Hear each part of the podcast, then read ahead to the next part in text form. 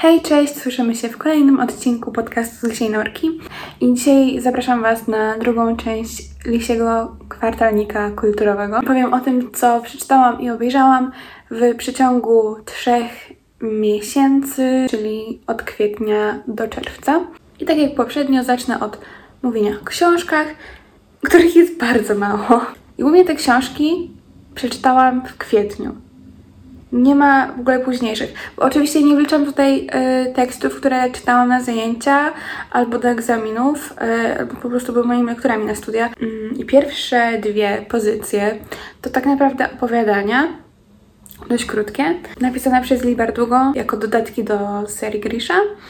I przeczytałam The Demon in the Wood, czyli to jest taki prequel do całej serii, który się skupia na Darklingu i który właśnie pokazuje fragment z jego dzieciństwa, który mocno wpłynął na jego życie i który właśnie odbija się w jego postawie.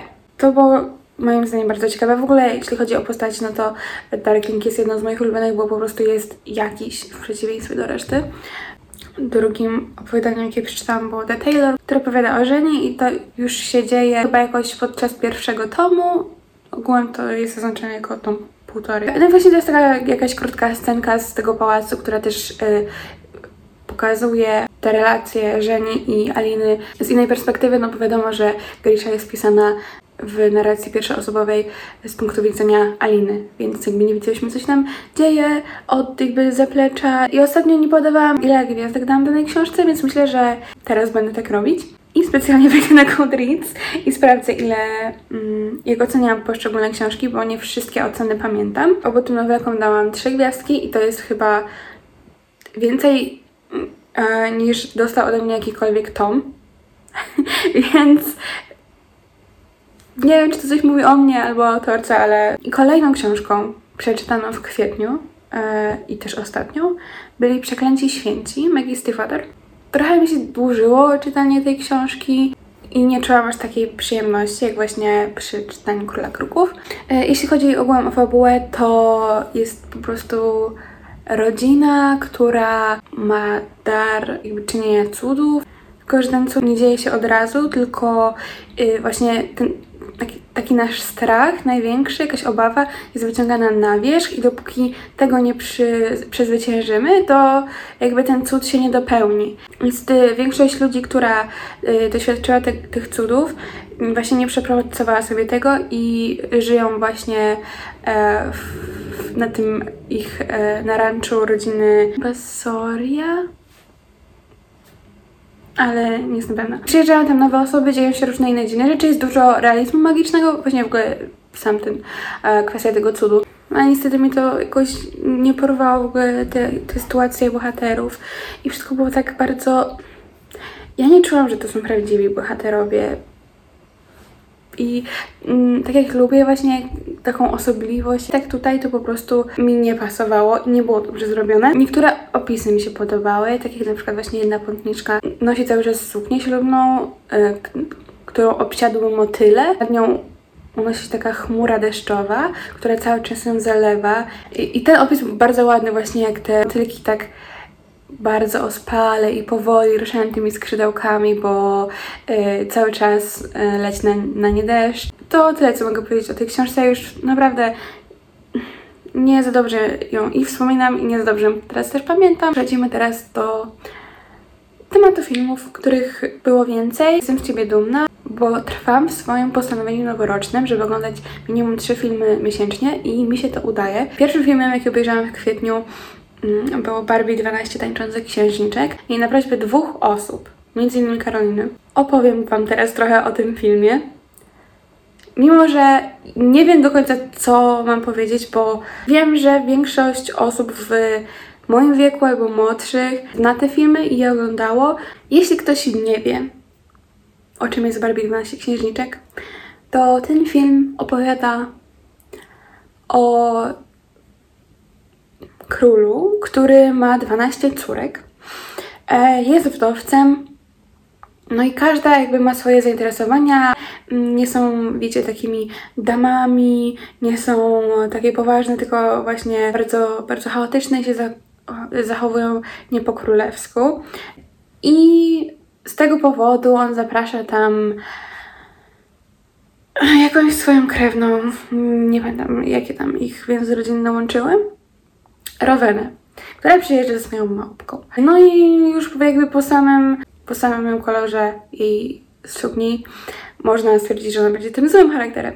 No i właśnie ona zaczyna je dyscyplinować. Zakazuje y, wszystkiego tam, kolorowych strojów, muzyki, wszystko musi być jednolite, uczy jakiejś tam etykiety dworskiej.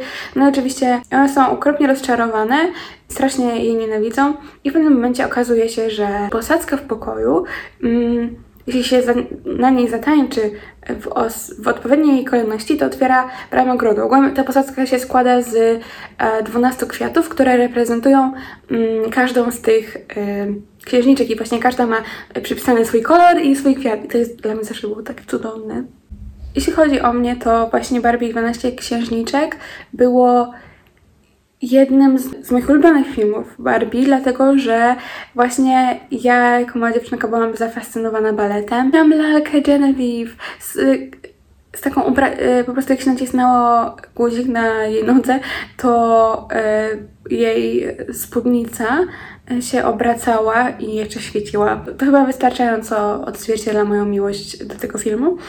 I właśnie za każdym razem, jak oglądam ten film, to jest dla mnie takim źródłem szczęścia, bo naprawdę mam do niego duży sentyment, także same dobre wspomnienia we mnie wywołuje.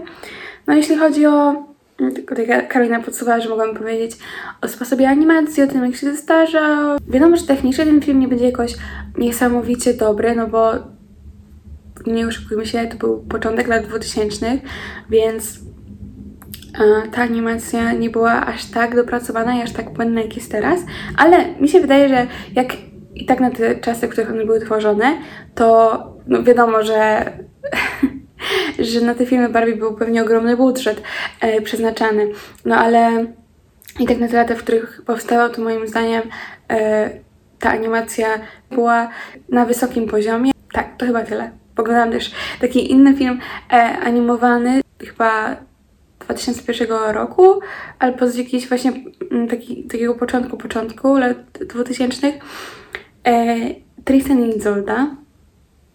Jeśli ktoś to oglądał, to wow. Bo chyba jeszcze się nie spotkałam z osobą, która by to oglądała tak samo, jak się pytałam Karolinę, to też tego nie kojarzyła. I ja to kiedyś po latach obejrzałam, tak z ciekawości. I ta animacja była tak koszmarna, tak koszmarna. Oczywiście jako dziecko tego nie dostrzegałam, ale później po prostu jak bohater po coś sięgał, to on się ruszał tak całym ciałem. Tak, tak się po prostu zasadzał na tę rzecz i się nie tak cofał i to było śmieszne bardzo. Następnym filmem, jaki obejrzałam, był Dziennik Bridget Jones. Pojawił się chyba w tym okresie przed Netflixa. Znałam już ten film, bo oglądałam go kiedyś. Eee, no i nie wiem, ja lubię akurat Bridget Jones, mimo że wiadomo, to jest fabuła jest głupiutka, ale dzięki temu poprawia Wam humor. Z perspektywy czasu też yy, się postrzega to, jak krzywdząco był kreowany yy, obraz kobiety, no bo właśnie yy, Bridget Jones jest pokazywana jako ta singielka, yy, starsza, ona, że mieszka sama, a ma super mieszkanie, ma pracę, Mm, no i właśnie to takie podkreślenie, że jest gruba, gdzie y, jej ciało, jej sylwetka jest taka, jest taka przeciętna, taka, z którą możemy się na co dzień na chodniku spotkać i właśnie no w ogóle filmy z lat 2000 mam wrażenie, że y, są okropne, jeśli chodzi o kreowanie standardów kobiecego piękna. Y, także no, to mi się najbardziej nie podoba w tym filmie, bo to jest tak wszystko wyolbrzymiane, a tak naprawdę no Bridget jest bardziej relatable niż, niż mniej. I nawet nie śmiejemy się z niej, tylko właśnie śmiejemy się po części z nią, bo y, na pewno niektórzy mogli się w podobnej sytuacji znaleźć. Bridget Jones y, oceniam na 4 gwiazdki, a Barbie i 12 tańczących księżniczek oceniłam na serduszko, bo na Letterboxdzie można dawać serduszka i oceny, ale ja stwierdziłam, że właśnie tych animacji z mojego dzieciństwa nie będę oceniać gwiazdkami. Dlatego Wszystkie filmy u mnie Barbie są ocenione serduszkiem. tak, y, rzutem na taśmę obejrzałam Barbie jako księżniczka wyspy. To jest też film, który bardzo lubiłam w dzieciństwie. Jeśli chodzi o historię, to tutaj mamy do czynienia z tym, że u wybrzeży pewnej wyspy rozbija się statek i zwierzątka, które mówią, wiadomo jak to w bajkach, znajdują na właśnie na brzegu e, dziecko, które żyje i ją wychowują. Czyli trochę taki um, trochę taki Mowgli, trochę Tarzan, ale w świecie Barbie. No i ona właśnie żyje na tej wyspie i pewnego razu na tę wyspę dociera statek e, właśnie z jakiegoś tam innego królestwa i e, na tym statku przybyła książę, który sprowadza ją do, tego swojego królestwa. No i ona właśnie musi sobie poradzić w nowej sytuacji i ma pierwszy kontakt z ludźmi od pewnie jakiegoś dzieciństwa. I dodatkowo nasza bohaterka nie pamięta e, niczego, co się stało przed właśnie tą katastrofą na morzu. Jedyne, co pamięta, to jest piosenka chyba kołysanka i to jest dość ważny motyw, który się przewija przez cały film. Ale więc wam nie powiem, jeśli ktoś nie oglądał, to proszę to nadrobić. Proszę nadrobić w ogóle wszystkie filmy Barbie, jeśli tylko nie oglądaliście. Znaczy, dobra, ja tych nowszych też już nie widziałam, ale te klasyki proszę, proszę nadrobić. Mi zawsze w tym filmie podobało się to, że ona potrafi rozmawiać ze zwierzętami. Dla mnie było tak wspaniałe, ja, że też bym tak chciała. Ten film jest w ogóle dość dynamiczny. Zawsze podobał mi się też ten motyw e, właśnie tej wyspy i tych podróży morskich. Przejdźmy do filmów majowych. I pierwszym filmem obejrzanym w maju było to rozdział drugi, bo akurat, nie wiem, chyba leciał w telewizji i stwierdziliśmy z mamą, że obejrzymy. Moja mama nie oglądała pierwszej części. Ja oglądałam, więc trochę ją wprowadzałam, o czym to jest. Na pierwszej w ogóle byłam w kinie. No ale mi się tak średnio podobała, chyba na dwie gwiazdki ją oceniłam. Myślałam, że będzie to straszniejsze, mm, a mnie to tak średnio przestraszyło, ale jeszcze po prostu nie chciałam takiego horroru, który by mnie tak mm, bardzo, bardzo przestraszył. Wiele z nich mnie po prostu śmieszy i jestem tą osobą, która się śmieje na horrorach. Wracając, to rozdział drugi było okropne, było nudne, się tak ciągnęło, bo bardzo długie. Co chwila właśnie pojawiały się jakieś tam potworki, które wyglądały niepoważnie. Właśnie to był tylko ten strach, że zaraz ci coś wyskoczy, albo coś się pojawi strasznego. No i to tyle już właśnie po którymś takim zabiegu to było takie oho, zmienia się muzyka, albo bohater jest sam, to pewnie zaraz coś się pojawi, zaraz coś wyskoczy, zaraz coś się zmieni w potwora. No i to już w pewnym momencie było nużące. E, nie oceniałam to na jedną gwiazdkę. To rozdział drugi na jedną gwiazdkę.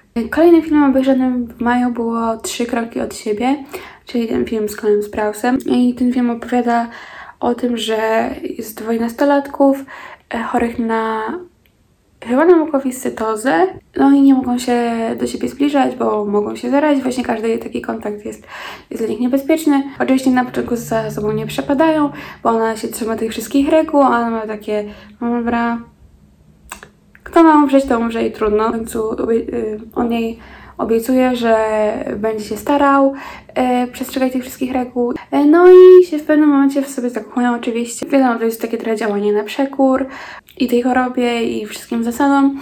Popłakałam się na zakończeniu i powiem Wam tylko tyle, że człowiek wyjdzie z gwiazd naszych wina, ale gwiazd naszych wina z człowieka nigdy.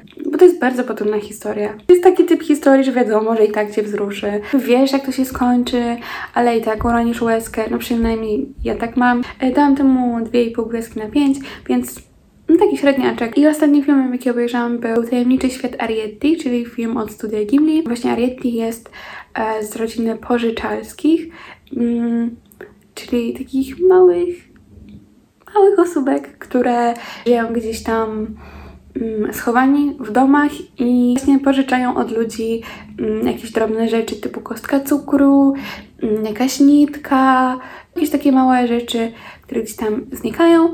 E, I w pewnym momencie y, widzi ją chłopak, który przyjeżdża do tego domu na wsi, żeby tam odpocząć, bo ma chore serce. Mm, no i właśnie haczyk jest taki, że mm, jeśli człowiek zobaczy pożyczalskich, to oni muszą się wynieść z tego domu, no bo to stwarza niebezpieczeństwa. No ale właśnie ten y, chłopak obiecuje, że nikomu nie powie.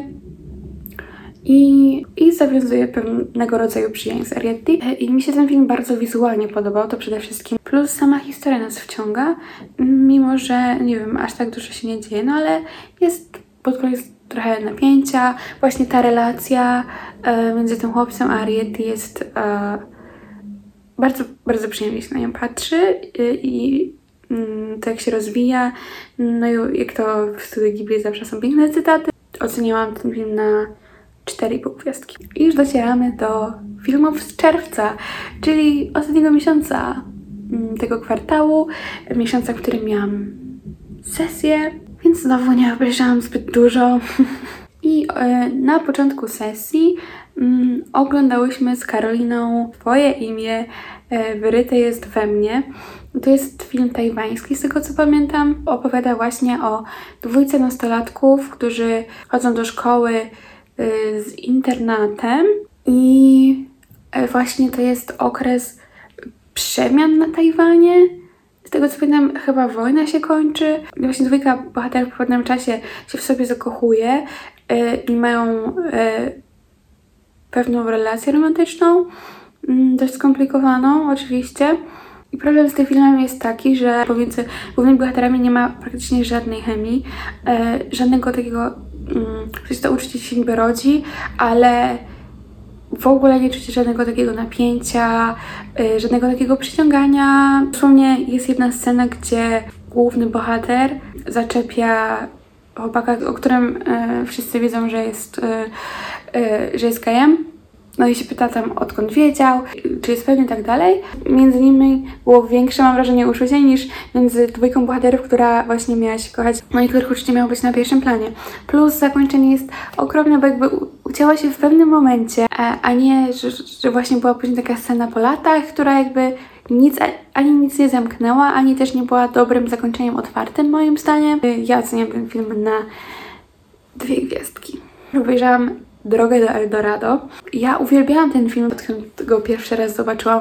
Główni bohaterowie, no wiadomo, nie są krystalicznymi postaciami, e, no ale są lepsi niż e, ci kolonizatorzy, którzy, e, których właśnie reprezentuje Cortez i tak dalej. No niby jest happy end, no ale wiadomo jak to naprawdę wyglądało. I właśnie po prostu urzekało przedstawienie tego świata, przedstawienie Ameryki i rdzennych Amerykanów, właśnie ta, ta cała kultura, te stroje, to złoto w tym złotym mieście. I ostatnim filmem, jaki obejrzałam, było, były ostatnie wakacje. Mm, na Netflixie dam temu jedną gwiazdkę, to był właśnie ten głupi film Netflixa dla nastolatków. No i ludzie kończą liceum e, i jedni idą na studia, jedni nie. Jedni na przykład stwierdzają, że będą mieli jakiś taki letni, niezobowiązujący romans albo związek, inni wręcz kończą te swoje związki, bo każdy będzie studiował w innym mieście, więc to nie ma sensu, bla bla bla. No i to jest po prostu zbiór takich różnych migawek, ale no nie wiem, to było takie nudne i niewciągające i tyle mam do powiedzenia. Myślałam, że po prostu będzie to dobre do odpoczynku.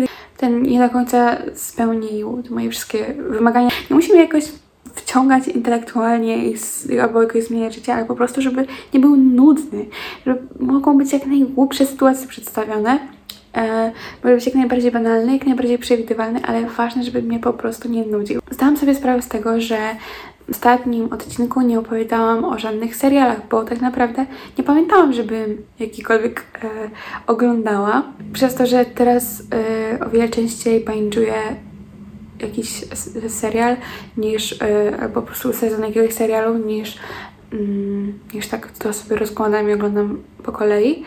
No i chcę tylko wspomnieć, że w styczniu chyba w jeden dzień obejrzałam Bridgertonów. No wiadomo, robił wtedy furorę i to, co mi się podobało, to, to ujęcie właśnie tej ery regencji w Anglii, ale yy, i na początku myślałam, że wow, super reprezentacja osób czarnoskórych, które raczej wtedy nie zajmowały takich wysokich pozycji i tak dalej, ale obejrzałam jeden filmik który właśnie e, analizował tę inkluzywność i reprezentację w Bridgertonach.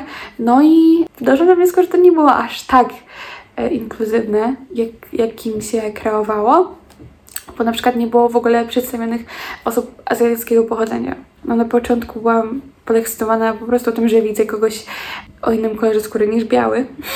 I no jakby Podobała mi się cała ta, pastelowa estetyka i tak dalej. Wiadomo, że to jest pewna wariacja na temat tego kresu, więc to nie jest jeden do jednego odwzorowane jeśli chodzi o stroje i tak dalej. Taki luźny serial, spoko do obejrzenia. Nie podobał mi się jeden wątek, o którym pewnie już słyszeliście. Potem w książce jest jeszcze gorzej i to mnie zniechęciło do czytania tych książek, bo byłam skłonna dać im szansę, ale jak się dowiedziałam, że ta scena jedna jest gorsza yy, w książce niż była w serialu, w ogóle w serialu moim zdaniem powinni to zmienić albo usunąć, yy, ale no tak, już właśnie w serialu już była zła, a stwierdziłam, że nie jestem gotowa na czytanie o czymś jeszcze gorszym.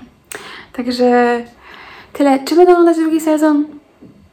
Może, ale nie jestem pewna. Mm, następnie postanowiłam, że mam ochotę na ponowne obejrzenie Słodkich Kłamstewek, czyli Pretty Little Liars. I chyba nawet nie skończyłam pierwszego sezonu, tak mi się wydaje, ale, ale do, pewnego, do pewnego momentu obejrzałam. Mm, może nawet chyba połowę sezonu. To tyle w sumie, co chciałam powiedzieć o tym serialu. No i teraz przejdziemy do sedna, bo w kwietniu obejrzałam z Karoliną Shadow and Bone, czyli serial, na który paradoksalnie czekałam, ale nie dlatego, że tak kocham trylogię Grisha, bo jej nienawidzę, ale ja czekałam ten serial dlatego, że gra w nim Ben Barnes. Oczywiście to jest serial bazowany na trylogii Grisha, ale też na szóstce Wron. E, chociaż y, się dzieje tak jakby przed akcją szóstki Wron i pokazuje y, trochę to, jak, y, jak Wrony się zbierały. Mm, w sensie oprócz tej głównej trójki, czyli Kaza, Inesz i, i Jaspera. No i właśnie e, pokazują też e, historię Niny i Matiasa, którzy też później dołączą do ich grupy jakby. E, no i jeszcze chyba tam jeden bohater się nie pojawił do, do tej pory, może się pojawi w następnym, w następnym sezonie. E, połączony to było całkiem, całkiem zgrabnie. Właśnie Wszystkie Wrony Królestwo że nie czytałam.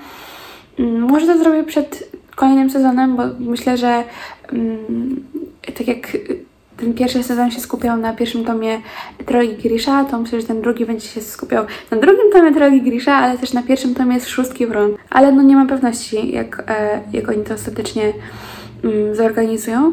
To, co chciałam powiedzieć, to jest to, że w serialu jest większe takie napięcie emocjonalne i jest więcej uczucia jakiegokolwiek w relacji Darkling-Alina. Bo w książce mam wrażenie, że to się tak stało kompletnie, kompletnie znikąd. W ogóle nie było żadnych e, podstaw, żeby ten jeden wątek prowadzać. Nie będę mówić jaki, bo nie chcę wam spoilerować. A w serialu to jest o wiele bardziej zbudowane. Serial mi się o wiele bardziej podobał niż książka, e, o wiele bardziej wciągający i ten dodatek e, właśnie Wron wyszedł moim zdaniem na plus. No i było to ciekawie roz, rozegrane fabularnie, chociaż na przykład jeśli chodzi o ten pałac, to myślałam, że będzie bardziej taki, bardziej taki inspirowany rosyjską architekturą i że na przykład będą kopuły, bo mi się wydaje, że w książce to było tak opisane i też na okładkach ten e, właśnie ten pałac, pałac miał tak, e, był przykryty kopułami. E, podobno w drugim sezonie ma już być Mikołaj, a to jest po prostu moja ukochana postać z tej serii. Także e, no ja akurat czekam na, e, czekam na ten drugi sezon. I to wszystko, o czym chciałam Wam opowiedzieć w tym podcaście. Dobrnęliśmy do końca. Nie było dużo tych rzeczy, no bo to były też najbardziej takie napakowane miesiące, e, jeśli chodzi o, o studia, po prace roczne, po jakieś zaliczenia, właśnie sesja, ale mam nadzieję, że mimo wszystko ten odcinek Wam się podobał. Dziękuję Wam za słuchanie i do usłyszenia w kolejnym odcinku. Pa!